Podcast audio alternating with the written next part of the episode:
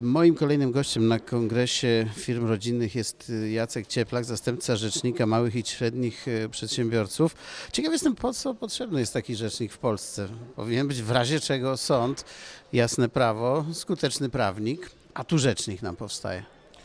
Również przyznaję, że gdyby przepisy w Polsce nie były tak skomplikowane, gdyby nie było przewlekłości w sądach, prawdopodobnie e, ta instytucja mogłaby być mniej potrzebna. Natomiast ustawodawca dostrzegł problem, który występuje na linii biznes-administracja.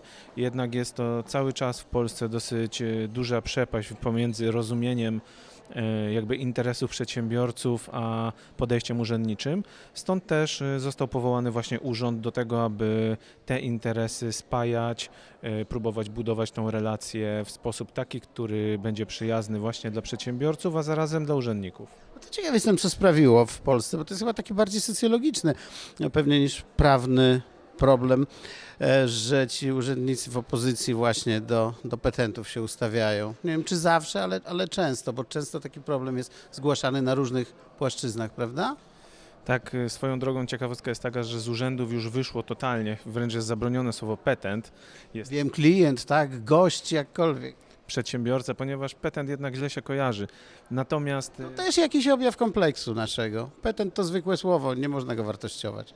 Możliwe, że taka jest prawda, natomiast y, prawdą jest również, że na przykład pewnie nawet pan, jak dostaje pismo z Urzędu Skarbowego, no to jednak jest pan zaniepokojony. I czy to jest normalny objaw?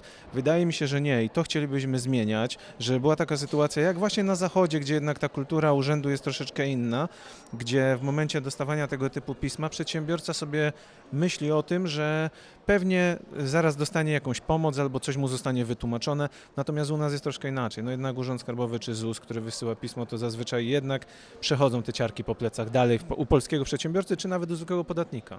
Tak, przyznam, tam zawsze jest dużo czerwonych y, pieczątek, jakieś sankcje, wszystkiego tego, wszystkiego tego jest y, sporo i to na pewno w przypadku y, prowadzenia działalności gospodarczej jest o wiele trudniejsze niż e, w przypadku takiego obywatela, który sporadycznie się kontaktuje z Urzędem Skarbowym, więc rzecznik małych i średnich przedsiębiorców będzie, no właśnie co będzie robił? Czy będzie im udzielał pomocy prawnej, będzie ich reprezentował?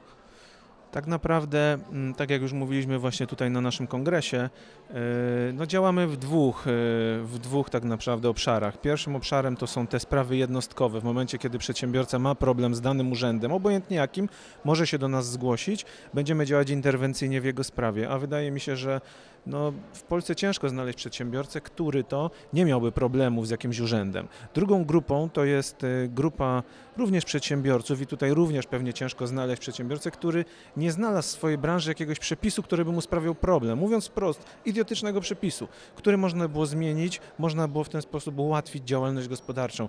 Wtedy też może się do nas zgłosić, a my podejmiemy inicjatywę ustawodawczą o zmianę danego przepisu, jeśli oczywiście uznamy, że jest on naprawdę utrudniający działalność gospodarczą. I wydaje mi się, że te dwa aspekty z jednej strony wydają się być oczywiste, natomiast z drugiej strony właśnie w tej relacji biznes-administracja one są bardzo problematyczne. A jesteście już na tropie jakiegoś przepisu?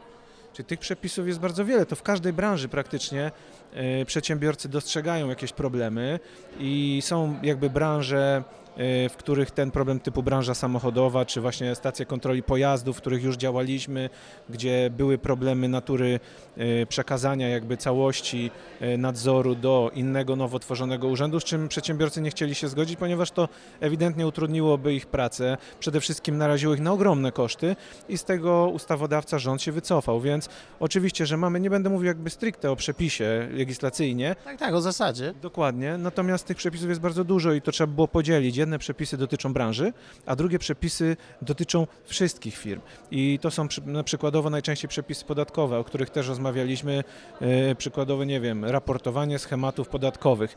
Wydaje się, że nie dotyczy wszystkich, a jednak dotyczy, nawet mikroprzedsiębiorców. Więc y, w momencie, kiedy mamy jakąkolwiek optymalizację podatkową, choćby nawet zatrudniając pracowników na samozatrudnieniu, a nie na umowie o pracę, jest to inter, może, być, może być to interpretowane jako optymalizacja podatkowa i wymaga raportowania do Ministerstwa Finansów. No, dla nas to jest za dużo. No i będziecie właśnie z tym w jakiś tam sposób, nie wiem, starali się walczyć z tym raportowaniem, bo to wszyscy i doradcy podatkowi, i przedsiębiorcy mówili, że to jest przepis no taki co najmniej dziwny, bo tutaj ten doradca podatkowy na przykład musi tak jakby sam na siebie donieść do urzędu. Dokładnie, to już w ogóle pomijam temat jakby tajemnicy zawodowej, bo to, To też. u adwokatów, radców prawnych i doradców podatkowych, gdzie oni tak naprawdę działania podejmując na rzecz swojego klienta, no nie mają prawa zupełnie zgłaszać komukolwiek, a tym bardziej urzędom. Natomiast y, oczywiście, że będziemy i zgłosiliśmy już y, wniosek o za objaśnienia prawne, które mają nam wyjaśnić dokładnie, jak będzie to interpretowane przez Ministerstwo Finansów, bo to jest po prostu niejasne. I jeśli będziemy mieli taką opinię, wtedy będziemy mogli się do niej odnieść i jeśli ona będzie w naszym mniemaniu e, negatywna, to będziemy starać się zmienić już ten przepis bezpośrednio z inicjatywy legislacyjnej. To teraz na koniec jeszcze takie technikalia. Będą oddziały w innych, y, są już zresztą w innych miastach, y, będzie jakaś taka lepsza dostępność, tak, jeśli chodzi o ten urząd?